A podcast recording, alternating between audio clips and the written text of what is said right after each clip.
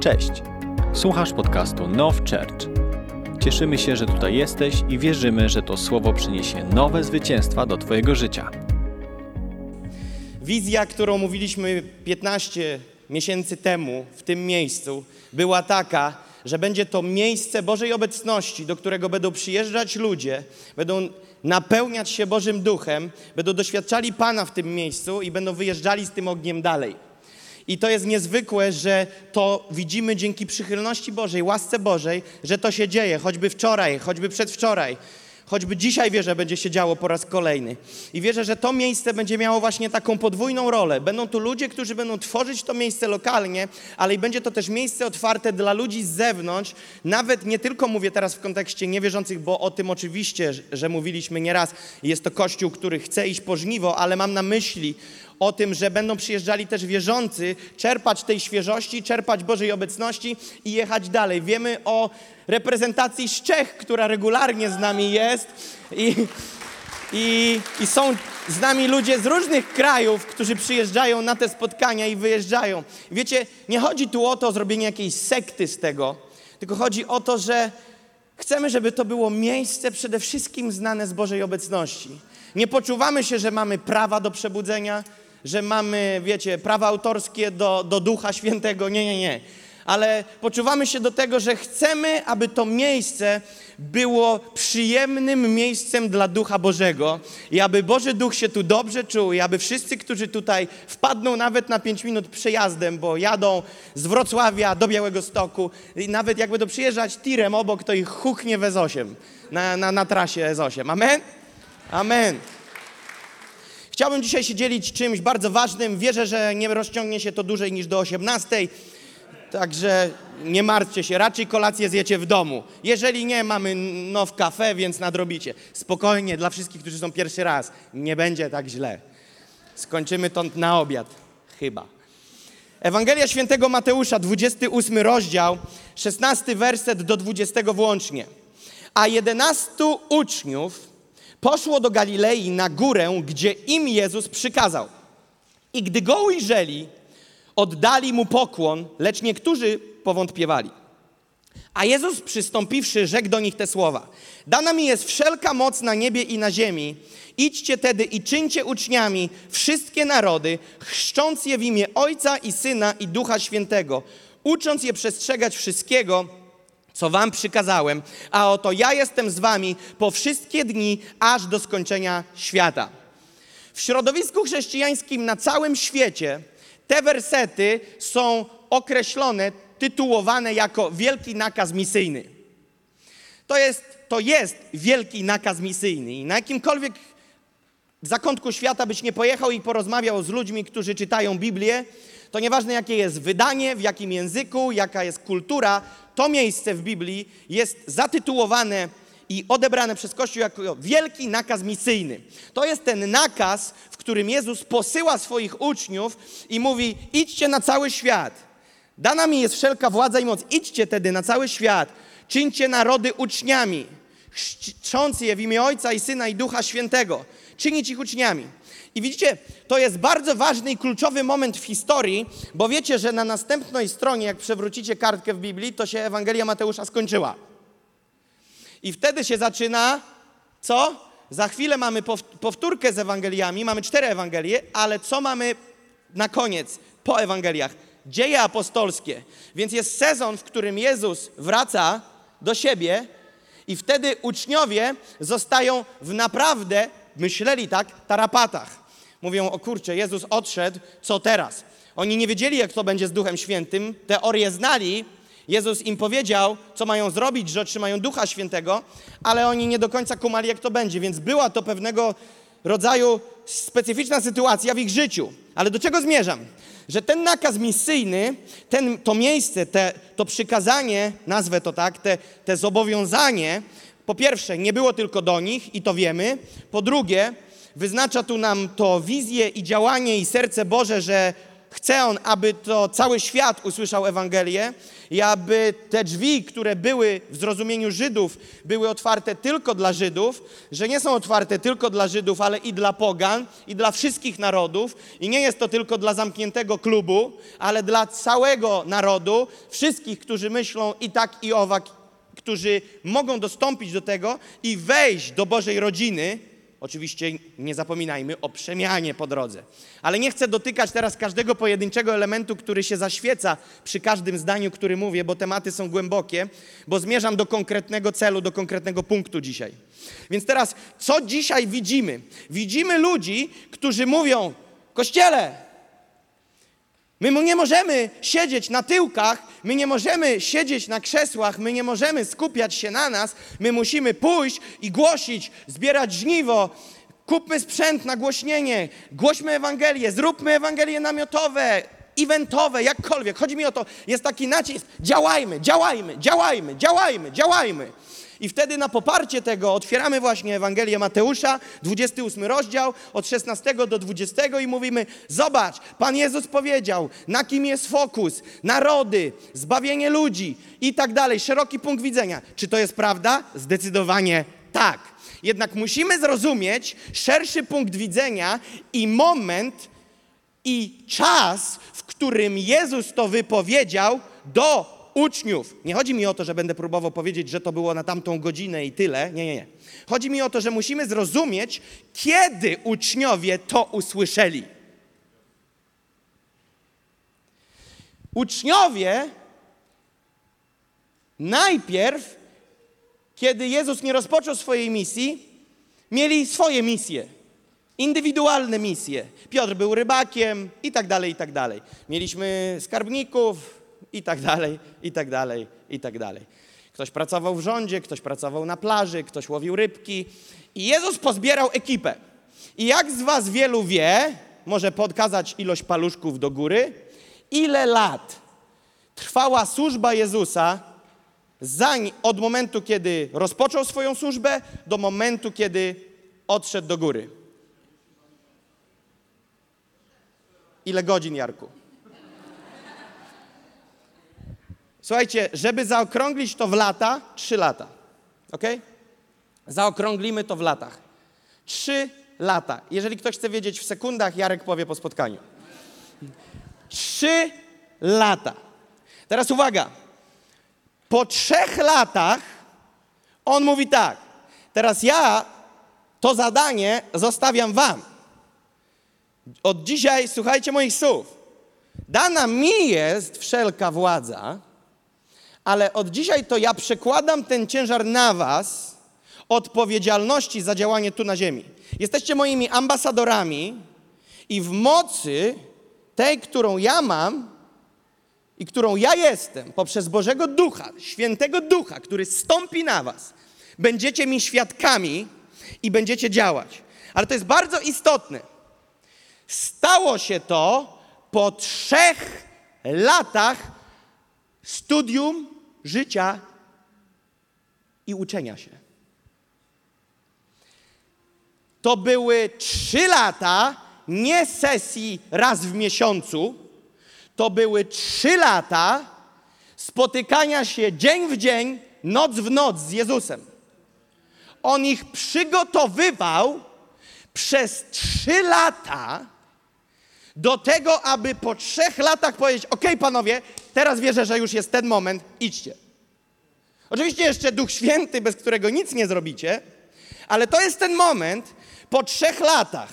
Oczywiście posłał ich wcześniej, dał im moc czynienia cudów, miało to miejsce, ale oni powracali do Jezusa i z jakimi wnioskami wrócili? Wiesz co, do pewnego poziomu działa, do kolejnego już nie.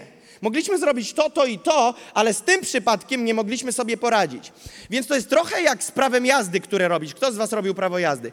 Na dzień dobry, jak przychodzisz na plac, to, to instruktor nie mówi do ciebie, to wiesz co, ja poczekam w biurze, a ty zrób trzy pętle po Warszawie. Nie, nie, nie. On najpierw to ci wytłumaczy. To coś to samochód. Ma cztery koła. W środku jest taki drążek, takie wiadro, które nazywa się kierownica.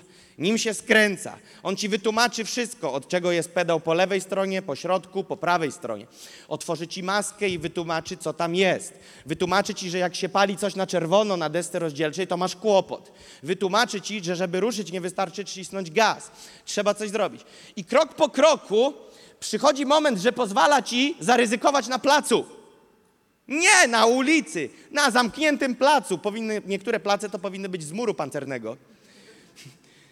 Ale najpierw on ci o tym mówi, później cię wprowadza do samochodu, zanim odpalisz, to ci jeszcze poopowiada, w czym siedzisz.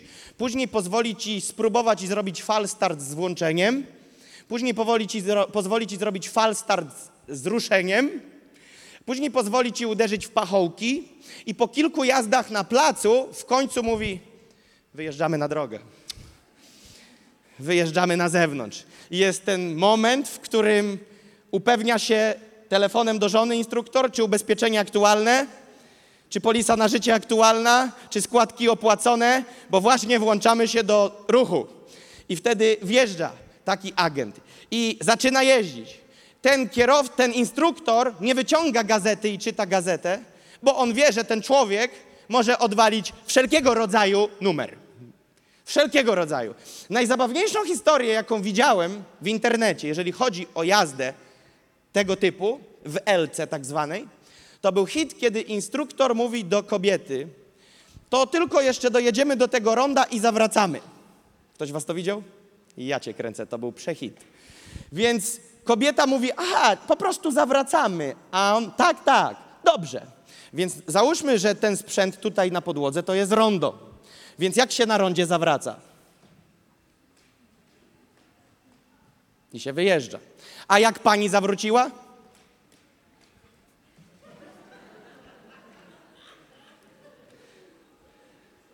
I ona nie rozumiała, co zrobiła źle. Nie rozumiała, co robiła źle. Była pewna, że robi dobrze. Była przekonana, miała dobrą wolę, miała dobre pomysły. Nie chciała zepsuć imprezy. Ale to, że masz pragnienie, nie oznacza, że wiesz, jak rzeczy zrobić. I teraz zobaczcie, co Jezus z nimi robił. Najpierw im tłumaczył, później im pokazywał, a później ich delikatnie kroczek po kroczku posyłał, ale oni zawsze wracali. I po trzech latach, dzień w dzień, w końcu powiedział: OK, ja odchodzę. Teraz wy możecie działać. Trzy lata, dzień w dzień, studium biblijnego, szkoły życia, szkoła kultury, szkoła reakcji, szkoła charakteru, szkoła serca, szkoła emocji, szkoła panowania nad sobą. I po trzech latach mówi: OK, możecie. Teraz, dlaczego o tym mówię? Chcę powiedzieć, że w Twoim życiu niezbędny jest proces. Zobaczcie, mieliśmy wczoraj coś, co jest niezwykłe. Przepraszam, że mówię coś. Mieliśmy kogoś, kto jest niezwykły. Mieliśmy obecność żywego Boga. Słuchajcie, nazwę to tak. Możemy mieć Bożą chwałę manifestującą się tutaj. Możesz mieć namaszczenie nad swoim życiem. Mogą towarzyszyć Ci i mi charyzmaty w Twoim życiu. Mało tego, mogą towarzyszyć Ci znaki i cuda. Możesz być przekonany i tak może być naprawdę, że jest powołanie nad Twoim życiem. Zupełnie nie wyklucza to aspektu potrzeby procesu w Twoim życiu. To, co jest złudne często dla ludzi, to jest to. Mam powołanie, mam namaszczenie, doświadczam Boga, Bóg się przyznaje, więc czego Ty chcesz? Działajmy. Chcę Ci powiedzieć, że proces jest czymś ekstremalnie zaakcentowanym w Biblii w przypadku każdego bohatera. Proces jest bardzo ważny. I teraz chciałbym Wam pokazać te trzy lata w kolejne kilkanaście minut, co tam Jezus z nimi robił. Więc kogo wyciągniemy na lekcję? No Peter, no jakby kogo innego wyciągnąć, jak nie Piotrka. Piotr. Piotr jest idealnym przykładem. Wiecie, że Piotr, myślę, znalazłby się w czołówce trzech, jakbyśmy wymie- wymienić mieli bohaterów apostołów. Zresztą jest to poniekąd wy, wyciągnięte z Biblii, no bo Jezus zabrał na górę przemienienia Piotra, Jakuba i Jana. Więc Piotr zawsze się kręcił w epicentrum zamieszania. Piotr był zawsze blisko Jezusa i Piotr zawsze był aktywny. Więc przyjrzymy się życiu Piotra. Piotr skąd został ściągnięty? Z łódki. I Piotr usłyszał, Piotrze, od dziś będziesz rybakiem ludzi. Wiesz, co to się nazywa? Wiesz, jak nazwiemy ten moment? Powołanie. To jest powołanie. Ludzie mówią, chciałbym otrzymać Boże powołanie. To teraz rozumiesz, czym jest powołanie. Jezus ci mówi, zostaw to, co robisz, mam dla ciebie plan. Chodź i do czego go zabrał? Do nauki. To, że otrzymujesz powołanie, to nie znaczy, że przeskakujesz nad sezonem procesu. Powołanie zaprasza cię na taśmę procesu.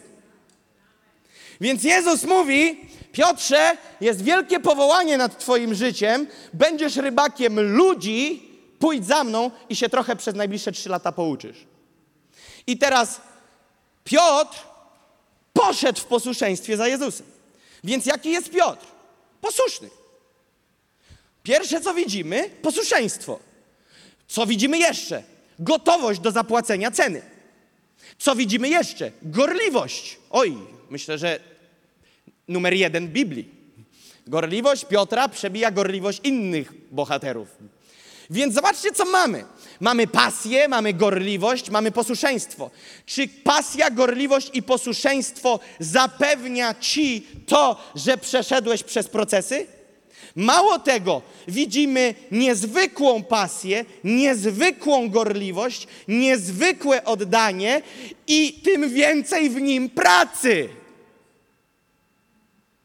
Dlatego, że trzeba było we właściwy sposób ukształtować tą pasję, ukształtować tą gorliwość, ukształtować ten zapał, ukształtować ten pożar.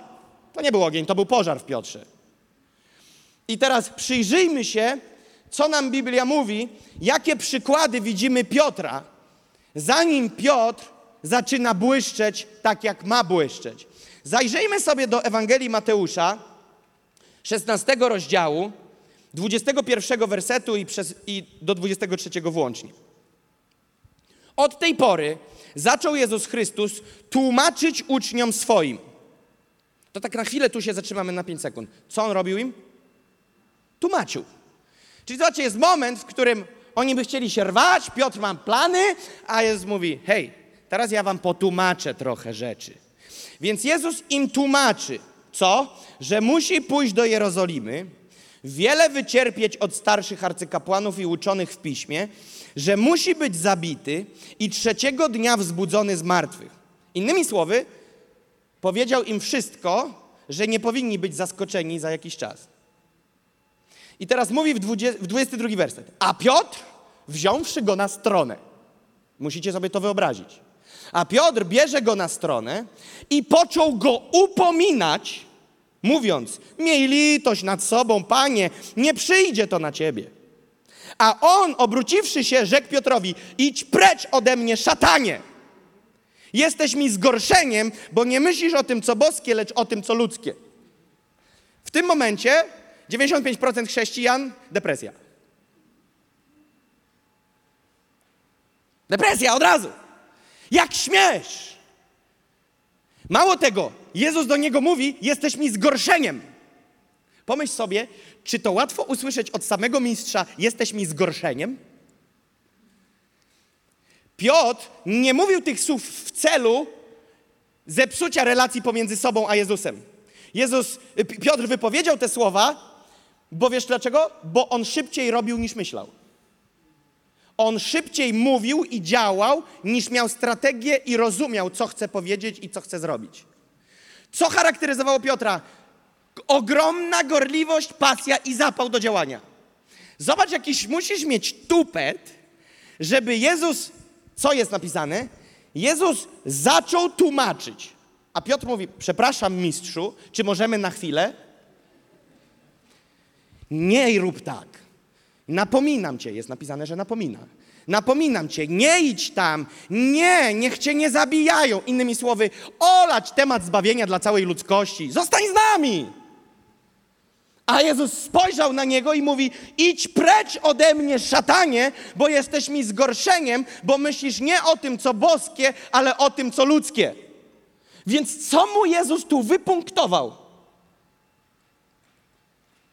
To, że Piotr nie do końca rozumiał głębie sprawy i miał wąski obraz. Myślał tu i na chwilę. Mówił do niego tu i teraz. Wiesz, czym charakteryzuje się dojrzałość? Im bardziej dojrzalszy jesteś, tym szerzej i dalej widzisz. I powiem ci tak, im dojrzalszy jesteś, tym większy zgryz będziesz miał z tymi, którzy myślą wąsko. Bo wizja szeroka będzie wyglądała pozornie, sprzecznie z tym wąskim obrazem, który ktoś nosi. Więc teraz Piotr jest, dostał dwie blachy po twarzy, z jednej i z drugiej. Jesteś mi zgorszeniem, myślisz o tym, co cielesne. A tytuł dostał szatanie.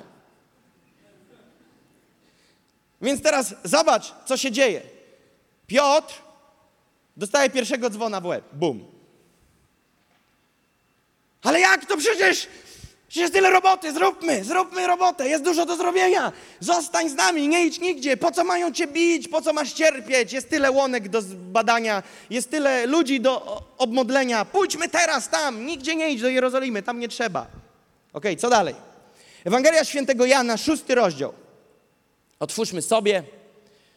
Od tej chwili, 66 werset. Od tej chwili wielu uczniów Jego zawróciło Jezusa i już z Nim nie chodziło. Wtedy Jezus rzekł do dwunastu, czy i wy chcecie odejść? Odpowiedział mu Szymon Piotr. Panie, do kogo pójdziemy? Ty masz słowa żywota wiecznego, a myśmy uwierzyli i poznali, że Ty jesteś Chrystusem, Syna Boga żywego. Wyrecytowana jak trzeba odpowiedź, tylko że problem polega na tym, że chwilę potem, jak Jezusa pojmali, to Piotrek trząsł gaciami i się zapierał trzy razy, że nie zna Jezusa i mówi: Ja nie znam tego człowieka, zaklinam się, nie znam tego człowieka.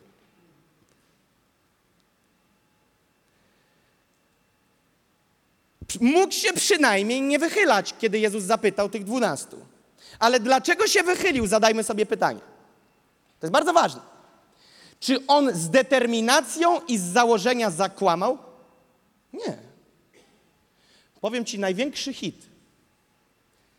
Kiedy nie przechodzisz przez procesy i nie jesteś przemieniany, ty nawet nie wiesz, że twoje pragnienia są niewłaściwe.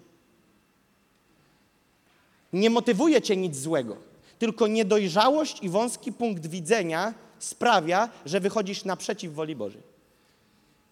Nie robisz tego z determinacją, bo masz gorliwość i pasję dla Pana. Masz dla Niego pasję, ale poprzez nieprzemienione myślenie, poprzez nieprzetransformowane oczy, poprzez niezrozumienie głębi i niezrozumienie Jego punktu widzenia, Twój punkt widzenia, który nie jest motywowany niczym złym, jest sprzeczny z Jego punktem widzenia.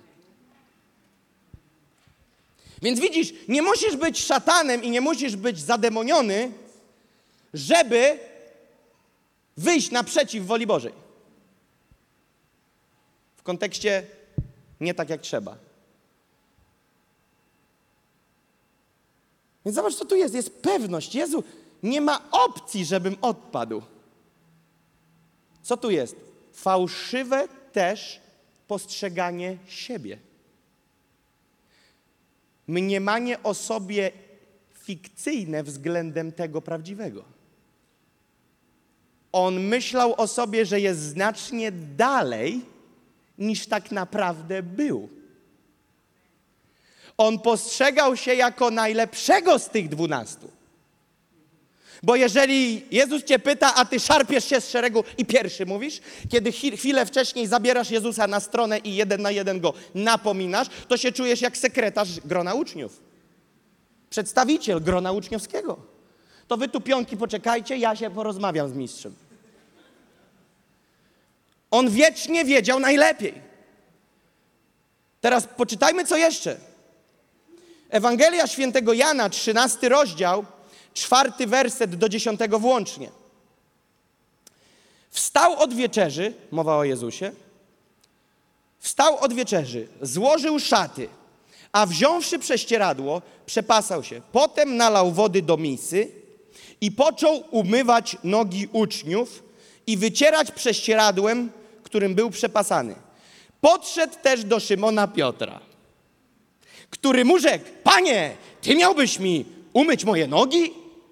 Odpowiedział Jezus i rzekł mu, co ja czynię, Ty nie wiesz teraz, ale się potem dowiesz. Tak jest napisane. Ale się potem dowiesz. Rzecze mu Piotr, przenigdy nie będziesz umywał moich nóg. Odpowiedział mu Jezus. Jeśli cię nie umyję, nie będziesz miał działu ze mną.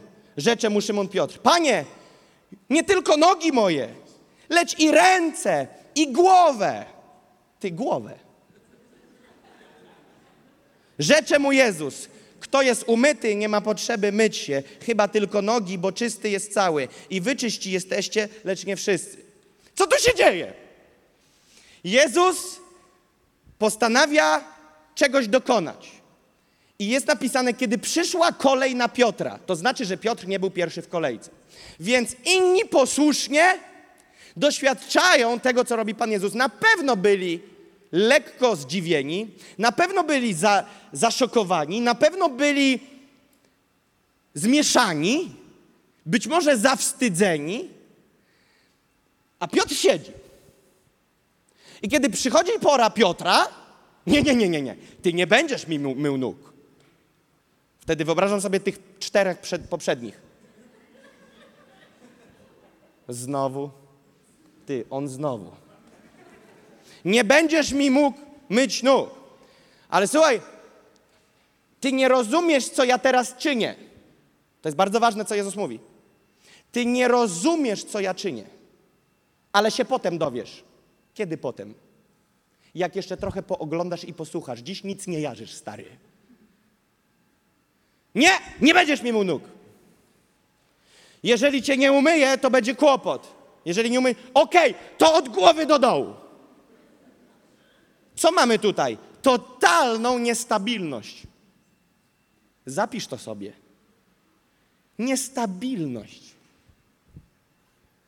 Cztery dni jesteś jak Reinhard Bonke, piątego jak Reinhard po śmierci. Leżysz, już nieprzytomny. Trzy dni później?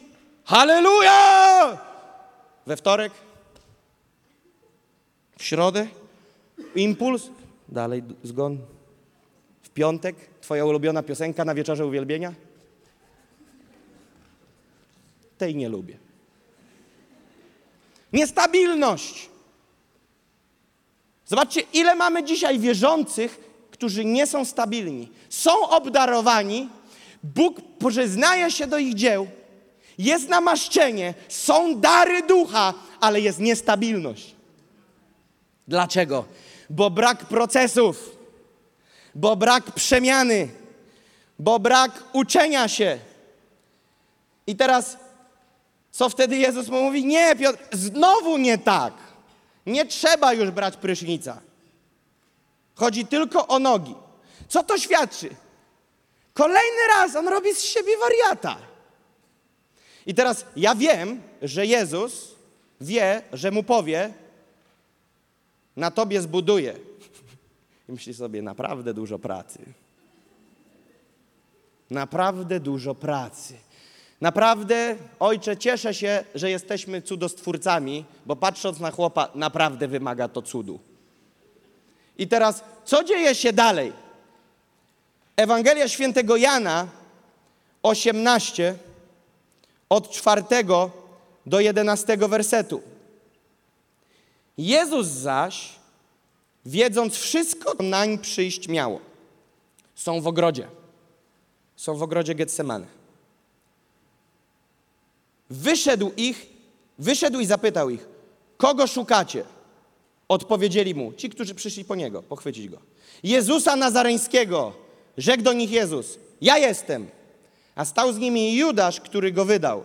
Gdy więc im rzekł, ja jestem, cofnęli się i padli na ziemię.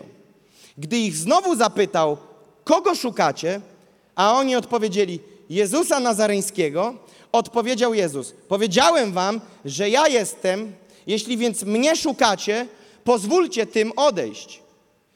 Aby się wypełniły słowa, które powiedział: Nie utraciłem żadnego z tych, których mi dałeś. Wówczas Szymon Piotr, mając miecz, dobył go i uderzył sługę arcykapłana, odciął mu prawe ucho, a słudze temu było na imię Malchus.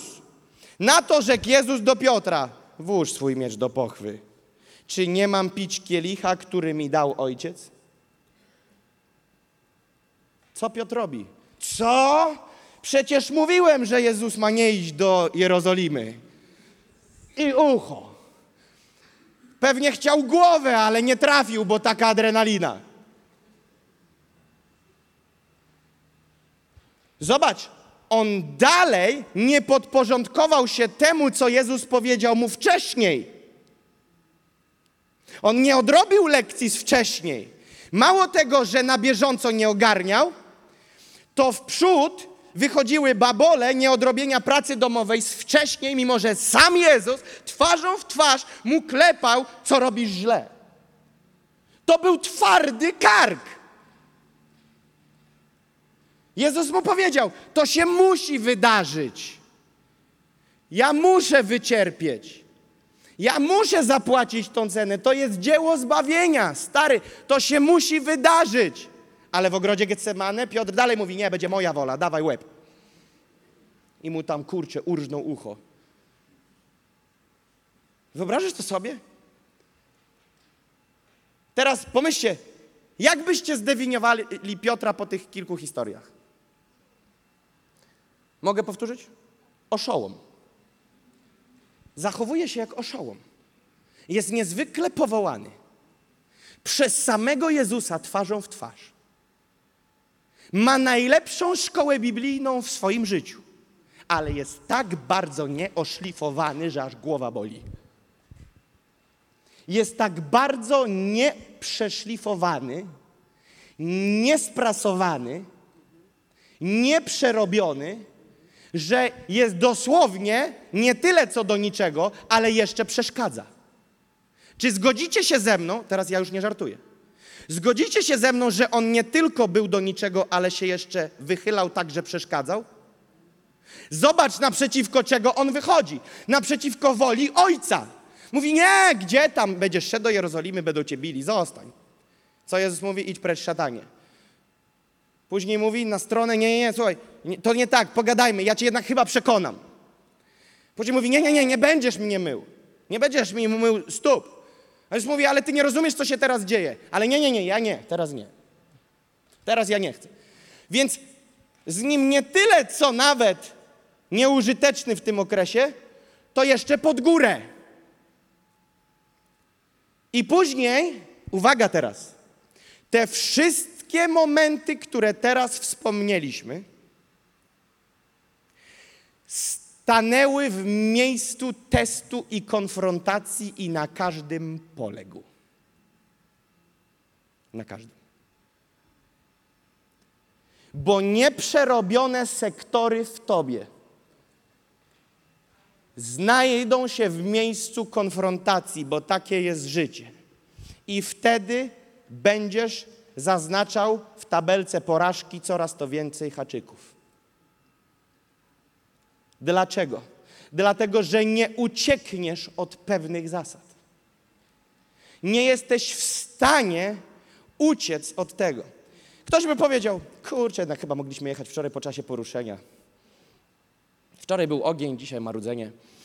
Powiem Ci właśnie, taka jest różnica, że musi być różnorodność, że kiedy mamy ogień, musimy wiedzieć, co dalej. Same charyzmaty nie wystarczą. Sama fantazja i polot nie wystarczy. Nie chcę, aby ktokolwiek poczuł się urażony i nawet ta osoba, o której teraz powiem, mimo że nie znam Twojego imienia, niech nie czuje się zawstydzona niczym. Nawet jeżeli to możliwe, to bym Cię teraz piąteczkę przybił, ale nie, nie o to chodzi. Nie czuj się źle. Wczoraj zespół zszedł, a ktoś z Was wyrwał się i siadł na perkusji. Ktoś postanowił, że będzie grał na perkusji. Rozumiecie? Ktoś z uczestników konferencji wpada na pomysł, że sobie ma prawo do tego, żeby wejść na salę, na scenę w obiekcie, który nie jest twój, siąść na perkusję i rąbać w bęben. I jeszcze zdziwiony, że obsługa cię zdejmuje. Chcę ci powiedzieć, wierzę, serio, że nic złego cię nie motywowało. Nawet powiem ci więcej. Czułeś prąd i namaszczenie.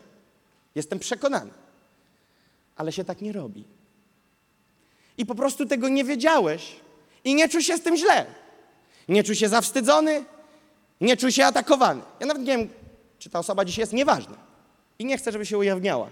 Tylko mówię to po to, żebyście zobaczyli, że że gdyby ta sytuacja nie nastąpiła, to pewne odruchy w tym człowieku by zostały i najprawdopodobniej w innym miejscu też by się poczuł, że może jednak na pogrzebie to on poprowadzi pogrzeb, czemu nie, bo akurat poczuł, rozumiecie? Może jednak jak pojedzie na jakąś inną konferencję, to tym razem pójdzie po mikrofon. I takie sytuacje następowały w różnych miejscach, gdzie byłem. Na jednej konferencji kobieta w trakcie wstaje i idzie do mnie w trakcie konferencji. Przychodzi przez środek, nachyla się w stronę sceny i mówi: Muszę coś powiedzieć. Ja mówię: Nie, przepraszam, nie musisz, siadaj. Ona myślała, że to jest miejsce, że jak masz coś do powiedzenia, to przy 800 osobach wstajesz, idziesz do przodu i mówisz: Musisz coś powiedzieć. My nawet byśmy przygotowali trzy mikrofony, gdybyśmy wiedzieli, że wyjdziesz. Nie no, rozumiecie o co chodzi? Są pewne nieoszlifowane zachowania w nas, pewne, ale to są tylko zachowania, to są najmniejsze problemy, bo to najłatwiej z, teoretycznie zlokalizować. A, bo one są widoczne. To robisz i jest babol na wierzchu. Ale są pewne rzeczy w nas, pewne, pewne schematy myślenia, pewne perspektywy, które nie są tak poszerzone, gdzie poszerzone być powinny. Nie mamy tej percepcji, co powinniśmy mieć, że chodzimy świadomi powołania, świadomi obdarowania, świadomi darów ducha i mało tego, widząc przejawy działania przez moje życie ducha Bożego, ale coś nam ciągle kurcze nie działa. Teraz uwaga, bardzo ważnym jest czas.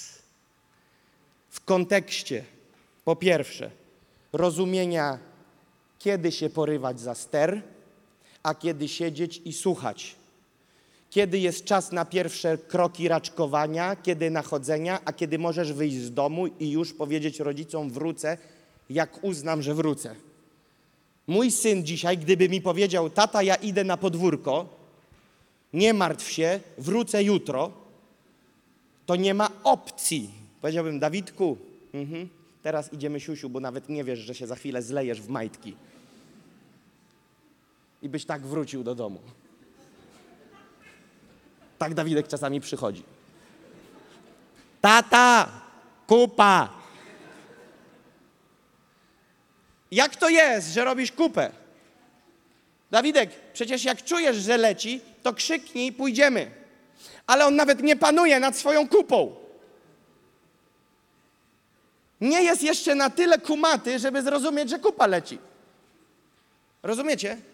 I teraz pomyślcie o tym, ile w nas duchowej niedojrzałości, która na dłuższą miarę czasu dyskwalifikuje nas w rozwoju. Więc to, co próbuję dzisiaj przekazać w tym przesłaniu, to to, że bomba z nieba to jedno, powołanie nad Twoim życiem to drugie, doświadczanie Boga to trzecie. Niezwykłe owoce, które mogą Ci towarzyszyć, to kolejny punkt. Ale podczas tych wszystkich punktów powinien Ci cały czas towarzyszyć niekończący się proces przemiany, który, uwaga, ma miejsce tylko i wyłącznie w kościele lokalnym.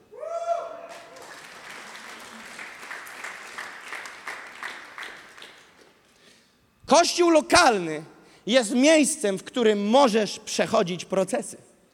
Kościół lokalny jest miejscem, który jest właściwą glebą, modelem niebiańskim, nieludzkim, gdzie możesz się we właściwy sposób rozwijać. I teraz uwaga, Oczywiście, że zależy to też od temperatury kościoła, od sposobu, w jaki kościół inwestuje w ludzi, czy inwestuje i tak dalej. Ale bardzo dużo zależy też od ciebie. To jest bardzo ważne. Nie możemy zwalić winy tylko na instruktora jazdy, jeżeli człowiek naprawdę zupełnie się nie przykłada do jeżdżenia tą elką. Wiesz co, instruktor, ja myślałem, że jak ja wyjeżdżam na skrzyżowaniu, to ty mi skręcisz tą kierownicę. Nie no, ty ją skręcasz. Ty przychodzisz na egzamin, ty przychodzisz na lekcję. Ty, przy, ty decydujesz, czy przychodzisz z zalepionymi oczami, niewyspany, bo spałeś pół godziny, bo na Netflixie cię pożarł jakiś serial. Czy przyjdziesz wyspany i trzeźwy, czy przyjdziesz głodny i będziesz myślał o jedzeniu. Ty decydujesz, w jakiej postawie tam przyjdziesz. Ty decydujesz, czy w ogóle przyjdziesz. Ja cię do niczego nie będę zmuszał. Instruktor powie, jak ci się nie podoba, to out. Więc zobaczcie, kościół lokalny jest miejscem właśnie takiego bezpieczeństwa, w którym ty możesz się rozwijać, uczyć się i wprost proporcjonalnie do, tyle, do tego, ile łyknąłeś, możesz posyłać dalej, ale być na tej linii bezpieczeństwa z kościołem lokalnym, który jak zlecisz z mostu, to cię ściągnie z tą liną. Piotr właśnie tego nie rozumiał. On myślał, że już jest gotowy. I chcę wam powiedzieć, dzisiaj w kościele jest mnóstwo ludzi, którzy myślą, że już są gotowi, a że Kościół ich powstrzymuje. Chcę ci powiedzieć, zupełnie odwrotnie. Dlatego, że jeżeli sami sobie byśmy byli termometrem, który ma mi wskazać, czy jestem gotowy, to ty nie potrzebujesz wspólnoty i ludzi. Nie potrzebujesz przywództwa, nie potrzebujesz duchowego ojca, nie potrzebujesz duchowej matki. Bo oznacza to, że ty sam wiesz lepiej i nie potrzebujesz niczyjej opinii. Wtedy zachęcam do uczestniczenia online. Nikt ci uwagi nie zwróci, nikt ci nic nie powie, będziesz pompował głowę, że aż ci pewnego dnia wybuchnie i obrudzi sufit. Przepompujesz się. I dzisiaj mamy taki styl przepompowanych chrześcijan z ekstremalną wiedzą. Wielu z nich wie więcej ode mnie. Wielu znam, którzy znają lepiej słowo niż ja. Wielu zna więcej przekładów niż ja. I oni przychodzą, ale ja widzę, że tacy ludzie tylko wiedzą, ale nie rozumieją. Wiedzą, ale nie rozumieją. Potrzebny jest tak zwany wymiar rema. Słowo rema, które nie tylko doleciało ci do głowy jako informacja, ale jest objawione i jest żywe. Później rozmawiamy o tematach zoe, życie. Kiedy to wpada ci tylko do głowy i jest informacją, nie wydaje żadnego owocu w twoim życiu. Potrzeba procesu w twoim życiu, aby to przełożyć. Więc teraz widzicie, robi się niewygodnie, kiedy się to głosi. Ale ja nigdy nie głosiłem wygodnych przesłań i nie zamierzam. I zauważyłem, że wszyscy, którzy nie pod to przesłanie, bo to nie jest nowe przesłanie, ja czytam Biblię. Jeżeli ktoś się pod to poddaje, i ja nie mówię tylko do Nofowiczów tu, wrócisz zaraz do siebie. Wielu nas słucha dziś online. Jeżeli nie poddasz się pod procesy w swoim życiu, będziesz, będziesz dezaktywowany swoją postawą. Sam się siebie dezaktywujesz i nie będziesz zdatny do niczego. Więc co się stało? Później przychodzą sytuacje konfrontacji. Piotr polega na każdej nieodrobionej pracy domowej. Na każdej nieodrobionej pracy domowej pada. I ja sam widzę, że do osób, do których mam dostęp, a nie mówię do nikogo teraz z kazalnicy, przychodzę i czasami mówię: Hej, mam silne przekonanie, że powinieneś zrobić to i to. Nie mogę cię do tego zmusić, bo nie jesteś moim niewolnikiem, ale czuję, że powinieneś to zrobić. I ta osoba musi zadecydować, po pierwsze, czy ja tak naprawdę jestem dla tej osoby jakimś głosem, czy przyjmie tylko to, co wygodne, a odrzuci to, co niewygodne. I co za tym idzie, czy uzna, że to może być ten blind spot, tak zwany niewidoczny punkt, który nie musi być w jedności z tym, co ta osoba dziś rozumie, ale możesz założyć, że ktoś widzi coś u ciebie, czego ty nie widzisz, I wskazuje ci na to ze względu na światło Ducha Bożego, który świeci na ten sektor. I mówisz, zrób to. Wypada, abyś to zrobił. Wypada, abyś to zrobiła. I wtedy jak Piotr, nie, nie, nie, chyba nie. Ale wtedy Jezus mówi do Piotra, ale ty nie rozumiesz dzisiaj, ale w przyszłości to zrozumiesz i jeżeli nie odrobisz tej lekcji, to będzie babol za chwilę. I wtedy mówisz, naprawdę ci szczerze widzę, jak na ekranie, dosłownie widzę wymalowane, co będzie, jak tego nie zrobisz. Ale ty decydujesz.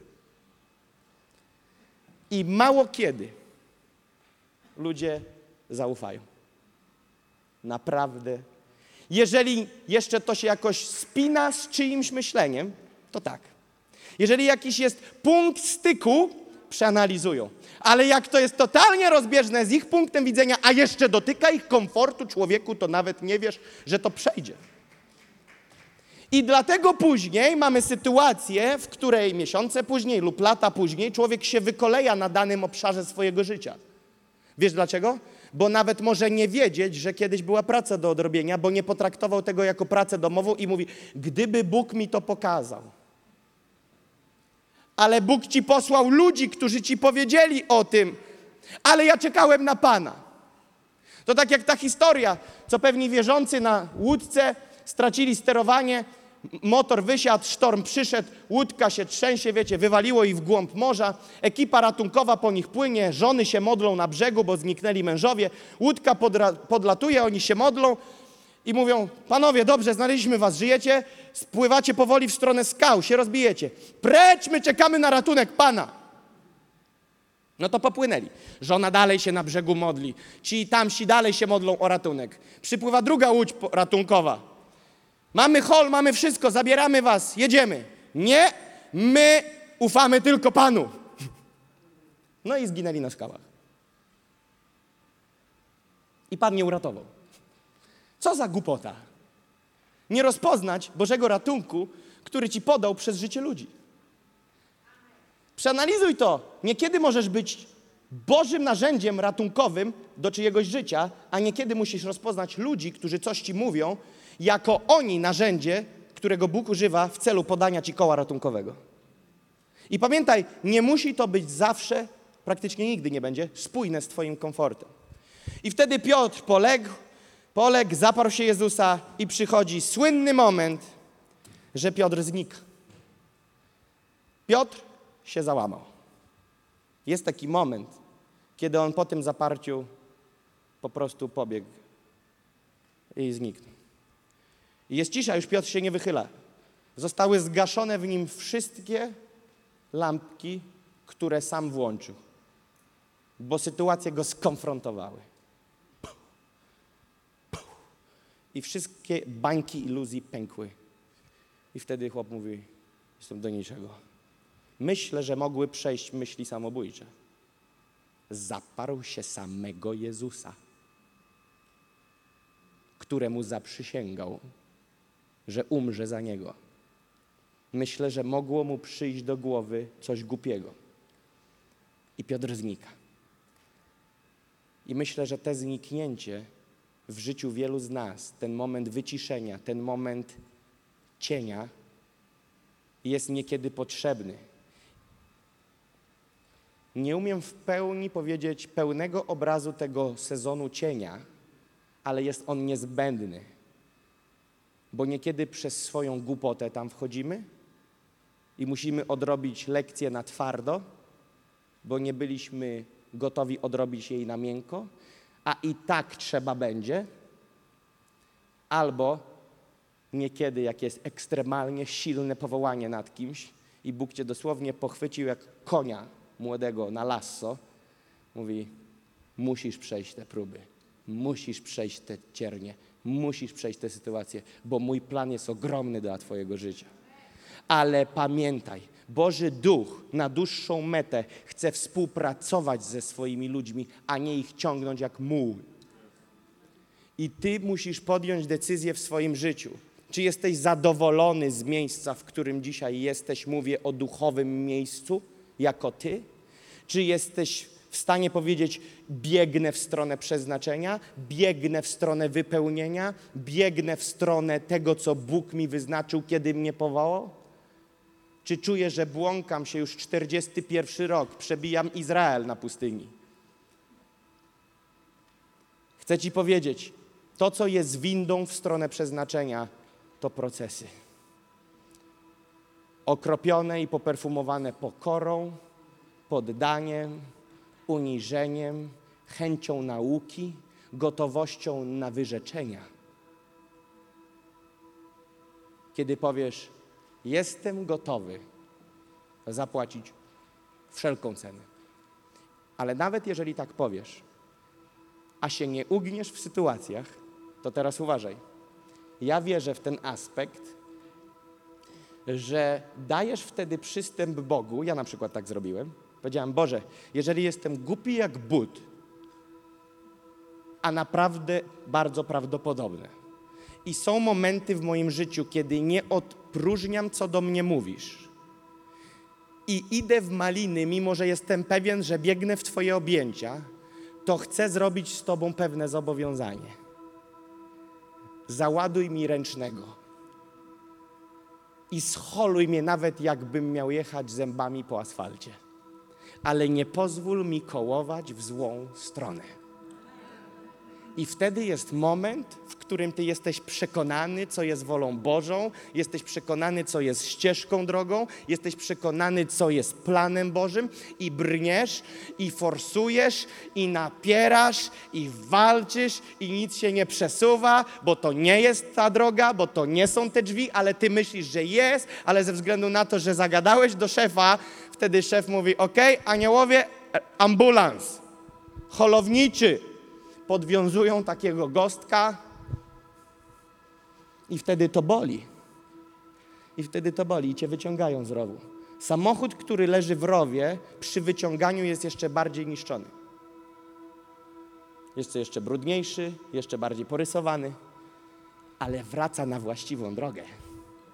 I pamiętacie tą historię króla w Starym Testamencie, który myślał, że, po, że już zżarł wszystkie umysły, okrzyknął się Bogiem, prawdziwego odrzucił i Bóg mówi, okej.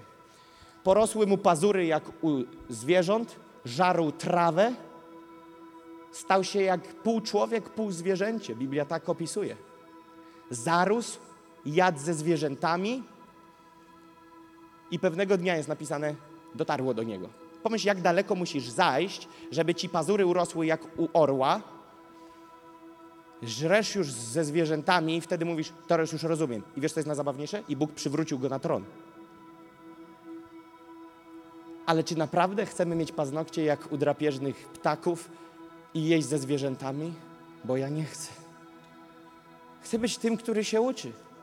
Chcę być tym, który nie jest opornym karkiem, który nie jest twardzielem, który nie jest butny, pyszny, wszystko wiedzący, ale chcę przyjść pod tron i powiedzieć, Panie, oprócz tego, że mam tą całą piękną teologię o tym, że Ty jesteś moim pasterzem i mnie prowadzisz, zakładam, że jest wiele sektorów w moim życiu, w których nic nie wiem. Poślij mi właściwych ludzi, którzy mogliby mówić do mojego życia w Twoim duchu. I modliłem się tak z moją żoną. Daj nam ludzi. Personalnie do naszego życia, którzy mogliby mówić, którym będę mógł powiedzieć: Hej, duchowy ojciec, hej, jesteś moim liderem, hej, uznaję Twój głos w moim życiu. I powiem Wam, wydarzyły się cuda. I mamy przywilej mieć takich ludzi, którzy mówią do naszego życia, którzy mówią i do których ja mogę przyjść i pytać. Nie muszę podjąć wszelkiej decyzji i kiedy idę i pytam, nie jest to oznaką mojej słabości, ale oznaką dojrzewającej mądrości. Kiedy pytasz, to nie okazujesz słabości.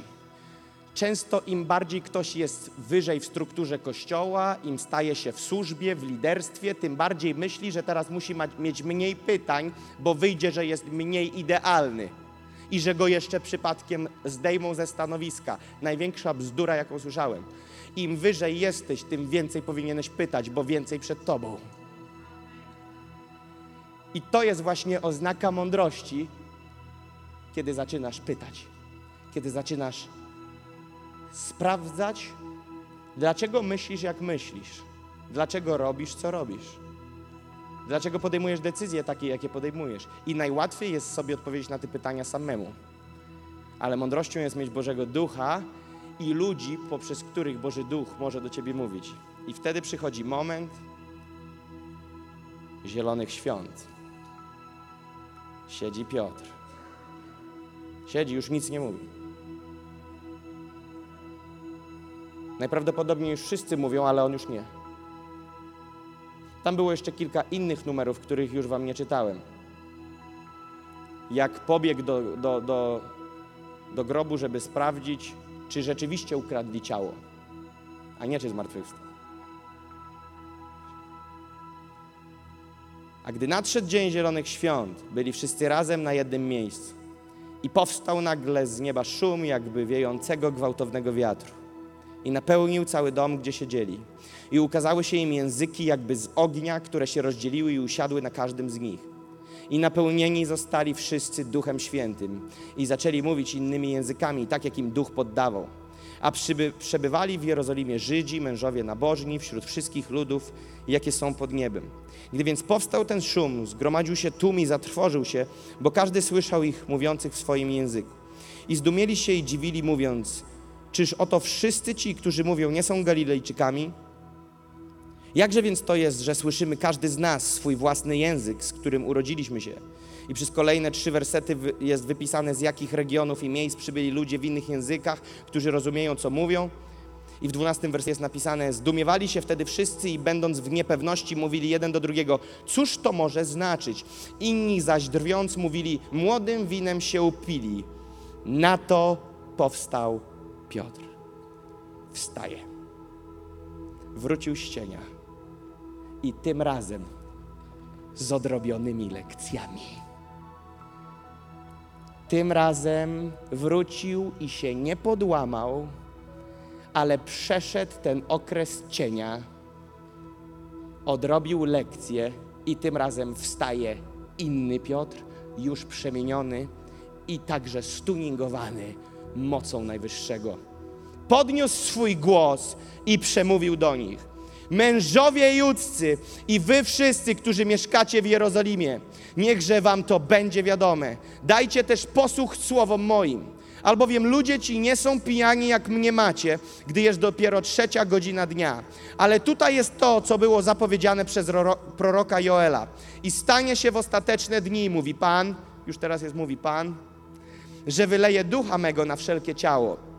I prorokować będą synowie wasi i córki wasze, i młodzieńcy wasi widzenia mieć będą, a starcy wasi śnić będą sny. Nawet i na sługi moje i służebnice moje wyleję w owych dniach ducha mego. I prorokować będą i uczynię cuda w górze na niebie i znaki na dole na ziemi, krew i ogień i kłęby dymu. Słońce przemieni się w ciemność, a księżyc w krew, zanim przyjdzie dzień pański wielki i wspaniały. Wszakże każdy, kto będzie wzywał imienia pańskiego, zbawiony będzie. Mężowie izraelscy, posłuchajcie tych słów. Jezusa Nazareńskiego, męża, którego Bóg wśród was uwierzytelnił przez czyny niezwykłe, cuda i znaki, jakie Bóg przez niego między wami uczynił, jak to sami wiecie, gdy według powziętego z góry Bożego postanowienia i planu został wydany, tego wyście rękami bezbożnych ukrzyżowali i zabili. Ale Bóg go wzbudził, rozwiązawszy więzy śmierci, gdyż było rzeczą niemożliwą, aby przez nią był pokonany. Dawid bowiem mówi o nim: Miałem Pana zawsze przed oczami mymi, gdyż jest po prawicy mojej, abym się nie zachwiał. On już więcej się nie powołuje na swoją gorliwość, na swoją pasję, on już się powołuje na inne rzeczy. I teraz 26. Przeto rozweseliło się serce moje i rozradował się język mój, a nadto i ciało moje spoczywać będzie w nadziei, bo nie zostawisz duszy mojej w otchłani i nie dopuścisz, by święty Twój oglądał skażenie. Dałeś mi poznać drogi żywota, napełnisz mnie błogością przez obecność Twoją. Mężowie, bracia, wolno mi otwarcie mówić do Was o patriarsze Dawidzie, że umarł i został pogrzebany, a jego grób jest u nas aż po dzień dzisiejszy. Będąc jednak prorokiem i widząc, że mu Bóg zaręczył przysięgą, iż jego cielesny potomek zasiądzie na tronie jego, mówił, przewidziawszy to o zmartwychwstaniu Chrystusa, że nie pozostanie w otchłani, ani ciało jego nie ujrzy skażenia. Tego to Jezusa wzbudził Bóg, czego my wszyscy świadkami jesteśmy. Wywyższony tedy prawicą Bożą i trzymawszy od Ojca obietnicę Ducha Świętego, sprawił to, że wy teraz widzicie i słyszycie. Albowiem nie Dawid wstąpił do nieba, powiada bowiem sam, rzekł Pan Panu memu, siądź po prawicy mojej, aż położę nieprzyjaciół Twych pod nóżkiem stóp Twoich. Niechże tedy wie z pewnością cały dom Izraela, że i Panem i Chrystusem uczynił go Bóg, tego Jezusa, którego wy ukrzyżowaliście. A gdy to usłyszeli, byli poruszeni do głębi i rzekli do Piotra i pozostałych apostołów, co mamy uczynić mężowie bracia. Wszystkie lekcje zostały powrócone w tym tekście. Zamierzał oddać życie za Jezusa, poległ, dziś zaryzykował życiem, mówiąc do nich: Wy ukrzyżowaliście Jezusa. Zaparł się Jezusa, tutaj świadczy o Jezusie. Wcześniej mówił z natchnienia swoich emocji i pasji, teraz powołuje się na Bożego Ducha i Słowo Boże. Nie ma już fal startów, nie ma już emocji. Weszła stabilność, a po tej stabilności widzimy owoc i lud, który mówi, co mamy czynić. Przyszedł od razu upgrade w, we wpływie i w autorytecie. Automatycznie został przydany mu autorytet, wpływ, i wtedy wyszli i dotknęli życia trzech tysięcy ludzi pierwszego dnia. Kościele, powstajmy i zamknijmy nasze oczy.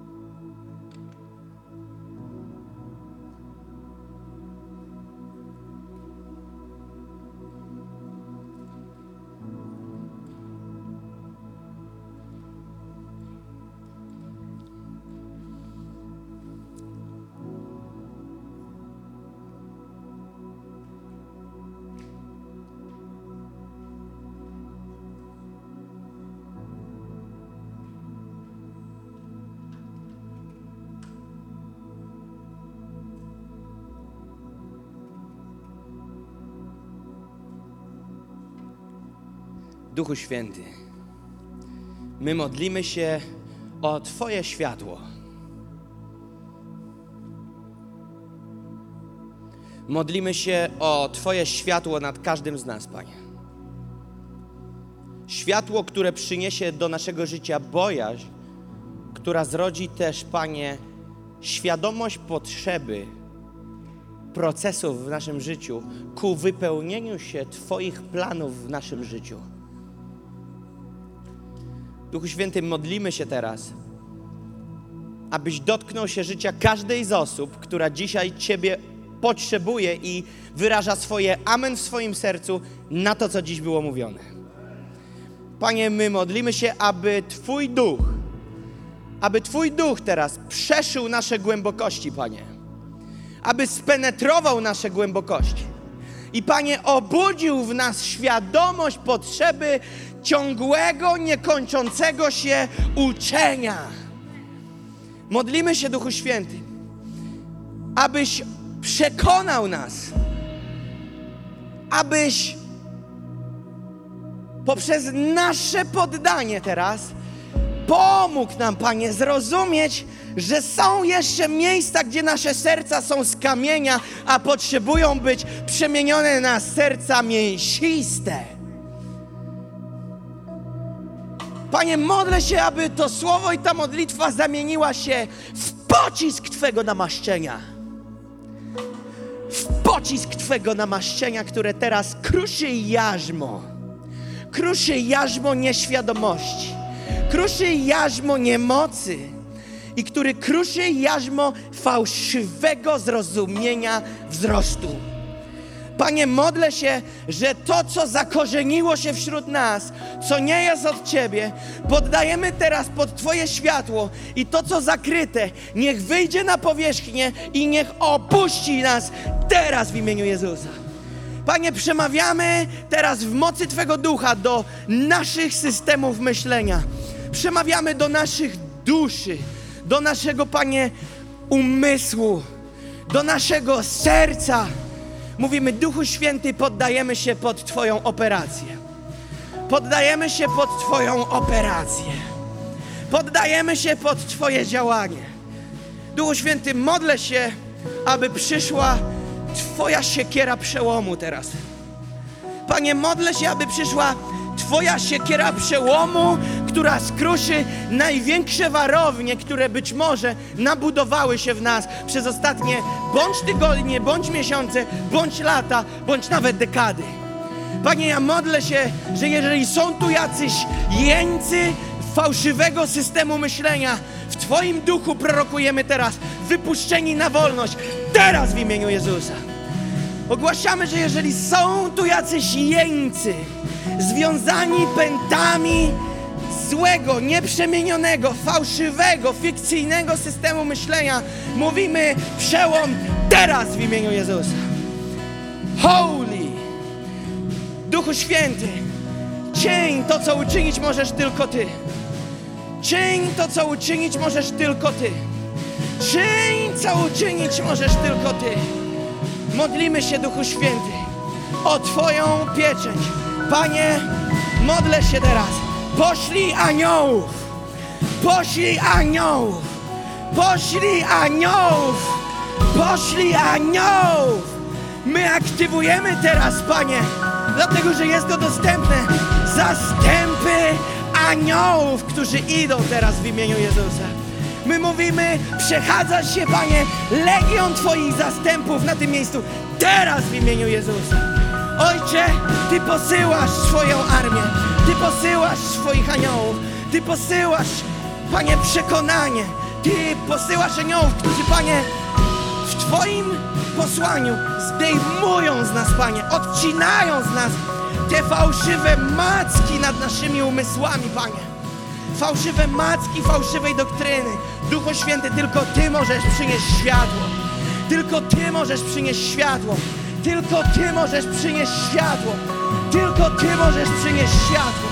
Tylko Ty możesz oświetlić to, co zaciemnione. To, do kiedy nie doszło na światło. Mówimy teraz. Światło!